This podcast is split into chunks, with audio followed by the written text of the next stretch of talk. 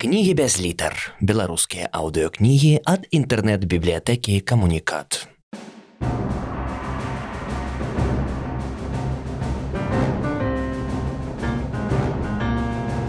Олесь Пашкевич.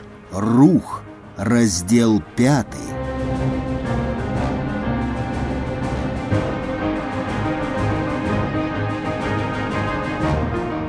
За спінай, за вокнамі, за перастукам вагонных колаў заставаліся тысячы кіламетраў, і непараўнальныя баку, тыфліс і нечаканыя масты над горнымі рэкамі і неверагодныя каменныя цясніны, і два месяцы працы. У невялікім мястэчку сальян, дзе кура выліваецца ў каспій, азербайджанскі мільянер Айдар Зайналабдзін Тугіев задумаў пабудаваць халадзільны завод. Яго рыбныя промыслы багата раскінуліся на 300 вёрстаў ад паўднёвых іранскіх берагоў да Махачкалы. Воды Дагестана дарылі яму тонны селядца, а кура, якая спяшалася да азербайджанскага ўзбярэжжа праз Турцыю і Грузію, радавала ў сваёй дэльце ласосем, асятром, бялугай, сяўругай, міногай, судаком. Селядзец адразу засольваўся, а вось астатнюю рыбу кансерваваць было шкада, так і ўзнікла думка аб халадзільнай устаноўцы. Памаракавалі, падлічылі, пры цяперашніх коштах у Расіі і Еўропе курскія прысмакі рыбы і кры Праз два гады акупяць нават самы вялікі і дарагі халадзільны завод парыскага канцэрна хірша і паслалі туды заказ, выконваць які, зважаючы на высокі кошт работ, выехаў у невядомы край з брыгадай наладчыкаў сам дырэктар Рудольф Дызель, а з імі тры грузавыя вагоны з матэрыяламі і абсталяваннем – з якіх праз два летнія месяцы бесперапыннай працы і вырасла маразільная аграмадзіна, ці не адзіная такая на тысячы вёрстаў у радыусе. Праца была не толькі бесперапыннай, але і нервовай. Тугія ўвесь час намагаўся самачынна кантраляваць і камандаваць, Падмурак, сцены і, здавалася, кожны камень не мінулі уважлівага позірку заказчыка.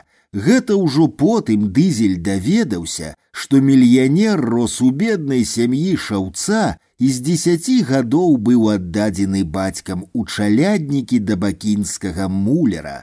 З дваццаці гадоў сам кіраваў будоўлямі і тут прамінуць сваю Шмат у чым эксперыментальны халадзільны завод, у кампрэсарных установках якога замест вогненебяспечнага метылавага эфіру выкарыстоўвалі аміяк, запрацаваў напрыканцы жніўня, а да паловы верасня яго складскія камеры былі цалкам запоўненыя рыбай, якая па новым чыгуначным адгалінаванні ў вагонах рэфрыжэратарах паплыла па ўсёй рассіі.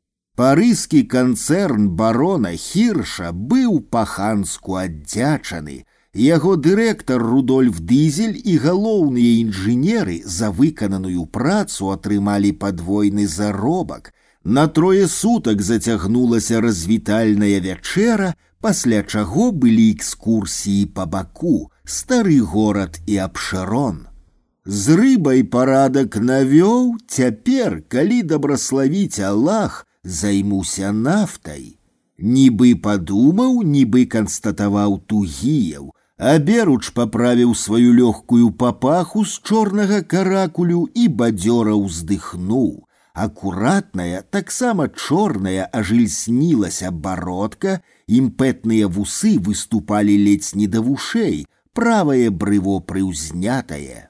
Іх кавалькада з пяціконных экіпажаў, якія тут звалі на французскі манер дыліжанцамі, вярталася да гатэля па мікалаеўскай вуліцы, і тугіеў прыўзняўся, нахмурыўся, а калі перад імі паўстаў новы двухпавярховы будынак, не без гонару паказаў на яго рукой.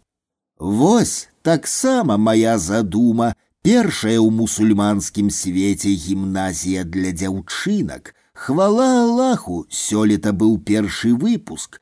58 навучэнак, большасць з бедных сем'яў, вучоба, адзежа, харчаванне бясплатныя. Ён здаволена прысеў і звярнуўся наўпрост да дызеля. Мая старэйшая дачка ханым таксама яе закончыла, і вырашыў я выправіць яе з братам, сынам маім зафарам у Еўропу. Мова ў вашых падвучыцца ды добрых навук. Для мяне ўсё тое нямая пустыня, а ты, мой дарагі, па ўсім мяркуючы, вучонасць з матчыным малаком усмоктаваў. Мільянер, пакуль сказанае ім перакладалася тлумачом, глыбока прасвідраваў дызеля каштанавымі зрэнкамі. Будзь дарадцам дзецям маім у невядомым ім парыжы. Шаноўны айдар, для мяне гэта вялікі гонар. Дызель нават крыху збянтэжыўся. Зраблю ўсё неабходнае, Вось толькі сам я па праўдзе надоўга заставацца ў Францыі не планую. Хачу на наступны год пераехаць у нямметчыну і адкрыць там завод рухавікоў. А ты думаеш, што я дзяцей больш чым на год у чужыну выпраўлю. Збянтэжыўся і тугіеў. Мы ўсіх, каму выдаем замежныя стыпендыі на вучобу, абавязваем праз пэўны час вяртацца на радзіму, а як жа інакш. І быў ад'езд з баку і доўгі сон у камфортным купе да тыфліса і далей, і нястомны перастук вагонных колаў.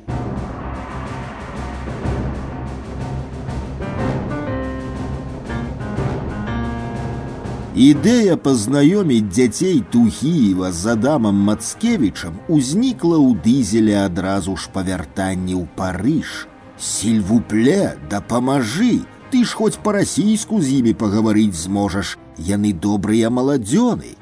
Дамовіліся сустрэцца вечарам каля гатэлю Шанзелізе, дзе пасяліліся Тугіевы. Да універсітэцкіх заняткаў заставаўся яшчэ тыдзень, і заканчэнне цёплага верасня было вырашана патраціць на экскурсіі і знаёмства з горадам. Бульвар Монпарнас да Эфеля загадаў Адам вазніцу, калі ўсе чацвёра селі ў экіпаж. Саборы і музеі вы і без нас разгледзіце, а вось гэта, зрэшты, з усяго Парыжа тое месца я найлепшый ведаю. Адам замоўк і толькі цяпер пачаў далікатна разглядываць сына і дачку Тугіева. Зафару, тыповаму каўказцу з худзізной на твары і ў плячах, на выгляд было гадоў пад 15, апрануты ў прыталены шэра-сіні касцюм, пінжак крыху падоўжаны і зашпілены на ўсе гузікі. На галаве чорны фетравы цыліндр – Ханым, старэйшая за брата вясны на дзве-тры, была ў сваім нацыянальным строі, які на пачатку здзівіў і падкрэсліў незвычайнасць іх сустрэчы. З галавы дзяўчыны ледзь не да каленя ўсплывала лёгкая празрыстая чадра, Под ёй вузкая бірузовая блуза кабацік з квяцістым арнаментам на кантах з вялікім трохкутным выразам, у якім бялелася вышытая срэбным бісерам кашулька. Чорны шырокі пояс выяўляў грацыёзную талію, ад якой ішла доўгая паветраная спадніца шалте, таксама бірузовага колеру. Смалістыя валасы густой касой спадалі на ўжо сфармаваныя і налітыя чаканнем грудкі. А якія вочы, вялікія бяздонныя чорныя вочы под доўгімі брывамі. Яна ўвесь час хавала іх, глядзела ўніз, але калі на хвілю здаралася сустрэцца з імі, на Адама люстравалася невядомая біблейская далеч. Перад енскім мостам яны спыніліся і да вежы Эфеля падышлі пешу, Зафар, падтрымліваючы фетравы цыліндр рукой, уражана вывучаў жалезную аграмадзіну, а ханым толькі ажыўлена міргнула некалькі разоў, усміхнулася і натхнёна спытала: « А можна туды? І показала рукой уверх. Так, усміхнуўся і Адам, больш затое прапаную там і павячэраць, на другім паверсе някепская рэстарацыя. Якраз перад імі спыніўся ліфт усходняй апоры вежы, прымацаваны да асобных рэек, ён узнімаўся па вуглавой траекторыі, дзякуючы гідраўлічным помпам. Сонца яшчэ вісела далёка над кварталамі, знізу даляталі хрыплыя гудкі клаксонаў, ветер шамацеў у перагародках вежы і складках адзежы. Яны занялі асобны столік каля зашклёнай вітрыны, замовілі бараніну з печанымі яблыкамі, чай і безалкагольны пунш. А я думала, што найбольшыя вежы гэта нафтавыя на нашым абшыроне. Прамовіла ханым да брата, але зразумела, што яе пачулі ўсе і пачырванела. Уражвае, спытаў, каб перарваць паўзу Адам і, не чакаючы адказу, дадаў. Многім насамрэч яна не падабаецца. Тры сотні французскіх пісьменнікаў і мастакоў нават пратэставалі супраць гэтай пабудовы эфеля, назвалі яе гіганцкай фабрычнай дымавой трубой. Прабацце перапыніў яго Рудольф дызель, Адам быў адным з вядучых інжынераў на гэтай будоўлі. Ага, ужо здзівіўся зафар. Ну так, кіўнуў, як між іншым Адам і закончыў. А цяпер тут многія з тых пісьменнікаў і мастакоў любяць пасядзець, апраўдваюцца, што гэта адзінае месца ў Парыжы, з якога не відно вежы. За ўсю вячэру больш разгаварыць гасцей не ўдалося. Яны пакінулі шчодрыя чаявыя, якія зафар назваў па-свойму бакшыш. Калі ж даведаўся, што па-французску гэта называецца пурбуар, даслоўна на выпіўку, грэбліва скрывіўся і трасянуў галавой.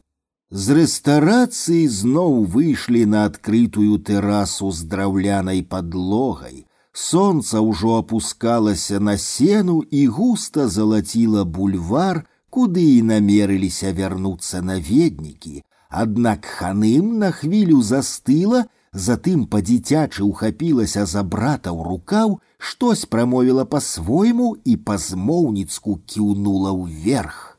Зафар нахмурыўся і грубавата крыкнуў таксама па-свойму. Не, гэта дазволена і цалкам магчыма, нібыта зразумеў іхнія рэплікі Адам. Сільвупле, калі жадаеце.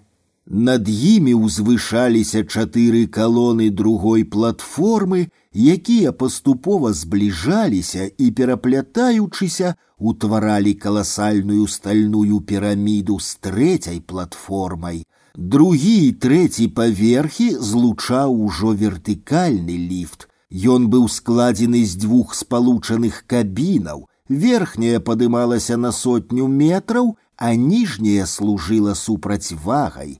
Заманліва паскрыпваючы, той ліфт і ўзняў іх на трэцюю платформу з пляцоўкай назірання крокаў двадцать папярок. Там нікога не было, і яны павольна адзін за адным прайшлі па ўсім перыметры, цікаўна пазіраючы ў шчыльна закратаваныя бакоўкі. Апошняя ханым ступала мякка, як па лёдзе, нібы напалоханая лань, але раптам абудзілася, узняла руки і нейкім дрыготка сп'янелым голасам выкрыкнула: « Юксек, юксек! высока, высока, а затым, аберуч прытрымліваючы доўгую пульхную спадніцу і напружана прыкусіўшы вусны, кінулася па прыступках уверх. Ханым гучна абурыўся брат, але яна не чула. Хутка стукалі чаравічкі па жалезных пласцінах, як ейнае утрапёнае сэрца, адзін пралёт другі, і яна ўжо не лань, а гарэзнае птушанё, якое нечакана выпырхнула на волю. Чадра ў сонечных іскарках, як мройны німб, і толькі ветер, і толькі неба.